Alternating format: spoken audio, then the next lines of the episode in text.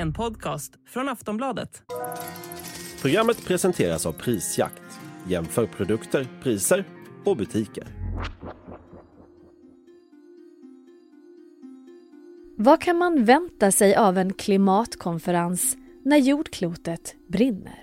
The president of the summit is the CEO of a state run oil company who recently said that there's no science to support phasing out fossil fuels. That's obviously not true. This is not the space in which those deals and those voices should be represented because those voices carry one mandate, one mandate alone, and that is to continue destroying the planet in order to, to uh, make profits. We must conclude COP28 with an ambitious outcome that demonstrates decisive action and a credible plan to keep 1.5 alive and protect those on the front lines of the climate crisis. Rekordhetta översvämningar, krympande havsisar, alarmerande rapporter, gränser som passeras, mål som utraderas. 2023 går till historien som ett riktigt dåligt år för vår planet. Och vad gör vi då åt det, kan man fråga sig. Ja, just nu riktas blickarna mot Dubai i Förenade Arabemiraten där FN-konferensen om klimatet hålls i år. Världsledare, organisationer, politiker och journalister, nästan 100 000 personer är samlade på COP28 för att förhandla, för att utvärdera klimatarbetet och för att rapportera om det som händer och beslutas. En av dem är Aftonbladets Gustav Tronarp och vi ska koppla upp oss mot honom och mot Dubai för att prata om årets möte. Vilka är stridsfrågorna? Hur ser Sveriges roll ut och ska man egentligen ha några förväntningar alls? Välkomna till Aftonbladet Daily. Jag heter Olivia Svensson och det här avsnittet är inspelat måndagen den 11 december. Hej Gustav! Hej! Du och fotograf eh, Jerker Ivarsson är ju på plats sen i fredags, precis som nästan 100 000 andra. Men vilka är huvudpersonerna under årets eh, klimatkonferens? Ja, den det har pratats om eh, mest här på förhand och också under själva konferensen är Sultan Al-Jaber.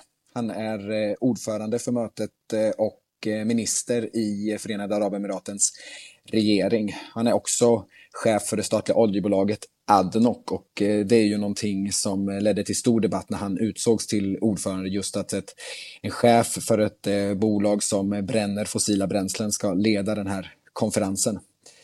Och eh, förra veckan så blev det också rabalder kring honom när han sa att, eller det kom ut läckte från ett möte där han eh, beskrev som att han hade sagt att det inte går att avveckla fossila bränslen och sluta förbränna fossila bränslen utan att ta oss tillbaka till grottstadiet ungefär.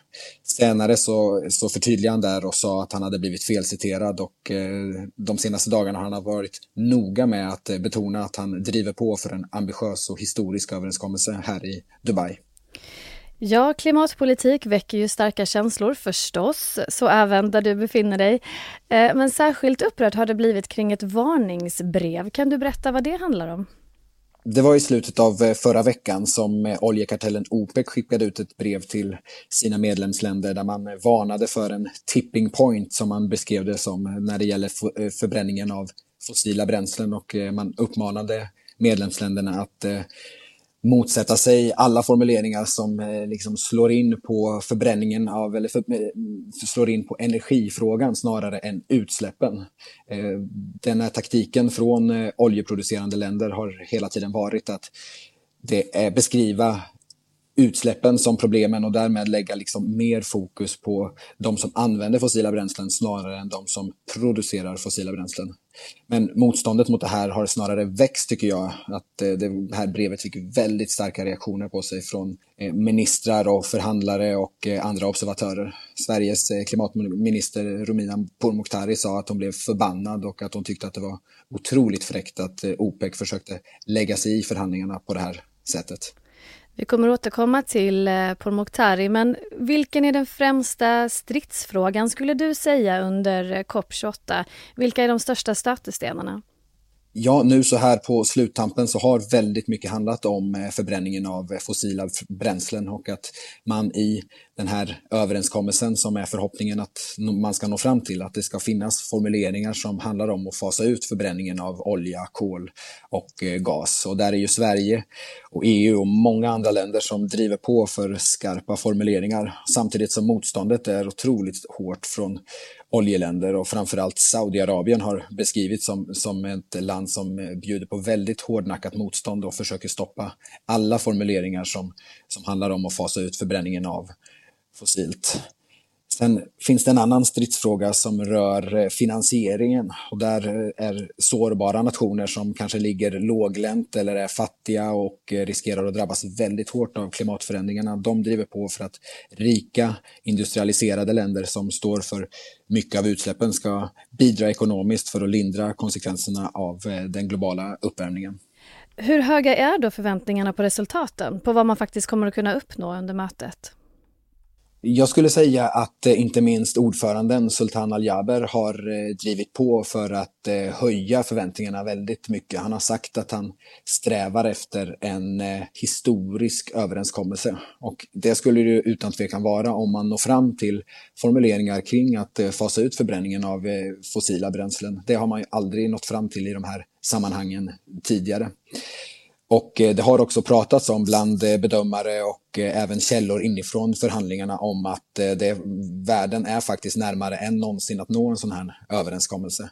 Men sen är det ju så att mycket kan hända och eh, nu spelar vi in det här på måndagen och eh, på tisdagen är det ju sagt att förhandlingarna ska avslutas men än så länge så verkar inte någon överenskommelse vara riktigt nära och det kan ju mycket väl hända att eh, förhandlingarna drar över och, och fortsätter även längre fram i veckan. En annan sak som det har pratats mycket om under mötet är fossillobbyisterna. Att de har intagit COP28. Va, va, vilka är de? Vad vill de? Det var rapporter också förra veckan, framförallt om eh, tusentals, fler än någonsin, eh, lobbyister från eh, fossilindustrin på COP28. Och det är alltså eh, representanter från företag eh, som sysslar med eh, oljeproduktion eller bensinframställning eller, eller sådant. Och de är ju naturligtvis på, på plats för att bevaka förhandlingarna och påverka delegaterna så långt som möjligt för att stoppa formuleringar som, som, skulle, som skulle lägga krokben för, för deras verksamhet. Men jag tycker faktiskt även där att, att den här närvaron och rapporteringen kring, kring den stora fossilnärvaron har Eh, också verkar ha lett till att eh, många delegater och många länder verkar ha blivit ännu mera eh, engagerade i att faktiskt försöka gå fram och, och nå ambitiösa överenskommelser. Men sen om det faktiskt blir så, det, det återstår faktiskt att se. På tal om engagemang, klimatrörelsen omges ju också av demonstrationer och protester. Hur märks det på plats i Dubai?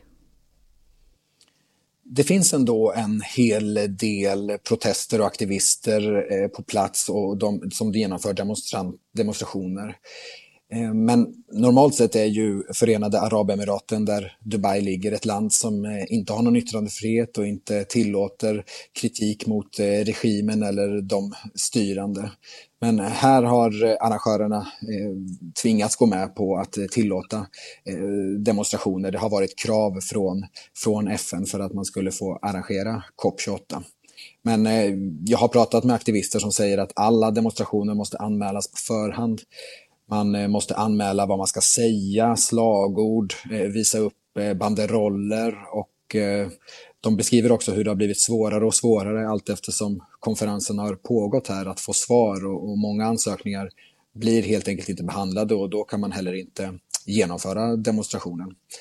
Och det finns också en rädsla för att arrangörerna eller representanter från Förenade Arabemiraten övervakar Eh, aktivister och eh, att om man begår eh, någonting som anses strida mot, mot reglerna så, så kan man bli bestraffad för det på olika sätt.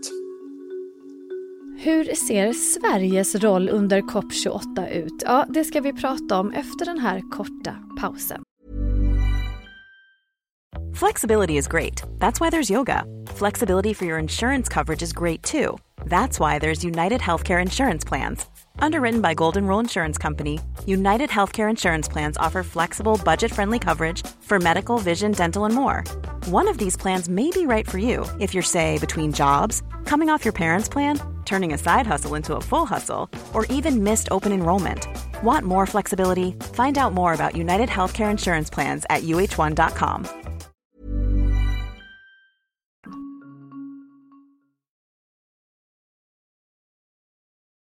Du, eh, Sverige ska vi prata lite grann om. Sverige är ju en del av EU under förhandlingarna på det här mötet. Hur påverkar det vår roll skulle du säga? Vi har ju inte någon egen röst då egentligen utan ingår, eh, som du säger, i, i EU-paraplyt.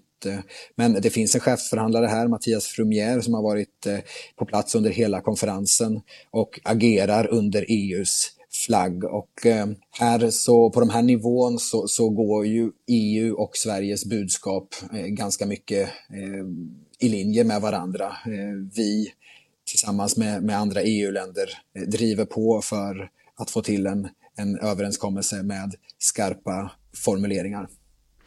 Du har ju följt Sveriges klimat och miljöminister Romina Pourmokhtari på plats. Du nämnde att eh, hon var väldigt irriterad över det här brevet som hon hade fått av OPEC. Hur eh, nöjd är hon i övrigt med mötet och förhandlingarna? Var, var, vilken är hennes inställning?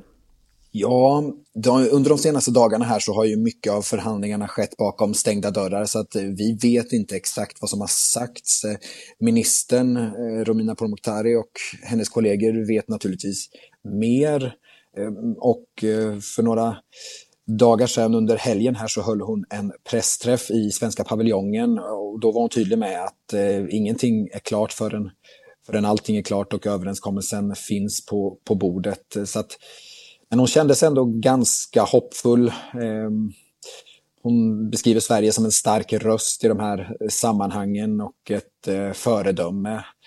Ehm, men ja, hur, hur hon reagerade kommer nog hänga mycket på vad som vad som kommer fram under de allra sista dagarna och timmarna här på COP28. Det har ju varit hög debatt kring Sveriges klimatpolitik och de förändringarna som regeringen avser genomföra. Är det någonting som Pourmokhtari har pratat om under helgen? Jag försökte ställa frågor om eh, detta just eh, för att ministern beskriver Sverige som ett föredöme som visar att det går att ställa om, eh, att minska utsläppen utan att skada ekonomin. Men det har ju kommit fram till att regeringens eh, budgetar faktiskt leder till ökade utsläpp i Sverige. Men eh, hon menar att det här inte påverkar Sveriges anseende på den globala arenan utan där ses fortfarande Sverige som ett, som ett föregångsland med eh, mycket grön energi och stark innovation på klimatområdet. Och det får man väl hålla med om att det ligger någonting i att, att Sverige ligger väldigt långt fram på många av de här områdena. Men det kanske också tar lite tid om man skulle säga att vi i Sverige fortsätter ha en politik som leder till ökade utsläpp. Då kanske det blir med tiden svårare för regeringen att hålla uppe bilden av Sverige som ett grönt föregångsland. Den här konferensen avslutas ju under tisdagen. Kan vi förvänta oss några globala förändringar vad gäller klimatpolitiken, Gustav? Vad tror du? Ja, man kanske ska säga att den är planerad att eh, avslutas under tisdagen. Det är inte ovanligt att eh, sådana här toppmöten drar ut på tiden, särskilt om förhandlarna tror att eh, det finns en överenskommelse som är inom räckhåll, även om man inte har nått den just när förhandlingarna är planerade att avslutas. Det kan bli långbänk alltså? Ja, det kan bli långbänk. Ordföranden har i och för sig sagt att han strävar efter att förhandlingarna ska nå i mål i tid på tisdagen, men det är eh, osäkert, eh, skulle jag säga. Allt är osäkert egentligen innan överenskommelsen ligger på bordet. Men någonting som jag ändå kommer ta med mig är eh, en känsla av att eh, det finns en otroligt stor samsyn bland världens länder, i alla fall de allra flesta, att förbränningen av olja och eh, kol och gas måste fasas ut. Eh, det är väldigt många överens om. Men sen finns det ju några länder som vi varit inne på som, som håller emot. Eh, och det återstår ju att se om det faktiskt deras motstånd är så pass starkt att det, att det inte når fram till en överenskommelse som innehåller de här avvecklingen som många vill se. Och är det en känsla av allvar? Att det är bråttom? Ja men verkligen, särskilt om man eh, lyssnar på representanterna från lågt liggande önationer eh, som faktiskt riskerar att eh, hela deras existens hotas om, om havsnivåhöjningarna och klimatförändringarna fortsätter. Så att, eh, de kommer ju till det här mötet med och, och, och skriker för sina, för sina liv och sina, sina liksom existensen av, av, av sina länder. Så att där är det ju en otrolig akut situation. Vi får se vad resultatet blir. Tack så länge Gustav Tronarp direkt från Dubai. Tack så mycket. Sist här, Gustav Tronarp, reporter på Aftonbladet. Jag heter Olivia Svensson och du har lyssnat på ett avsnitt av Aftonbladet Daily, Sveriges största nyhetspodd. Vi hörs igen snart. Hej då.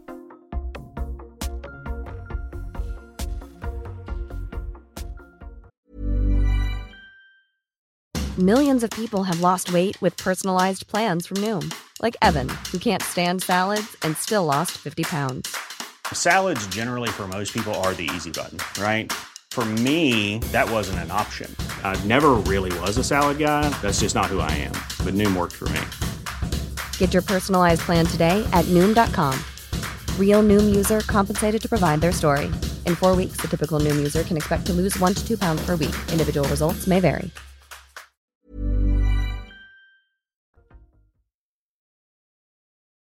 Du har lyssnat på en podcast från Aftonbladet. Ansvarig utgivare är Lena K Samuelsson.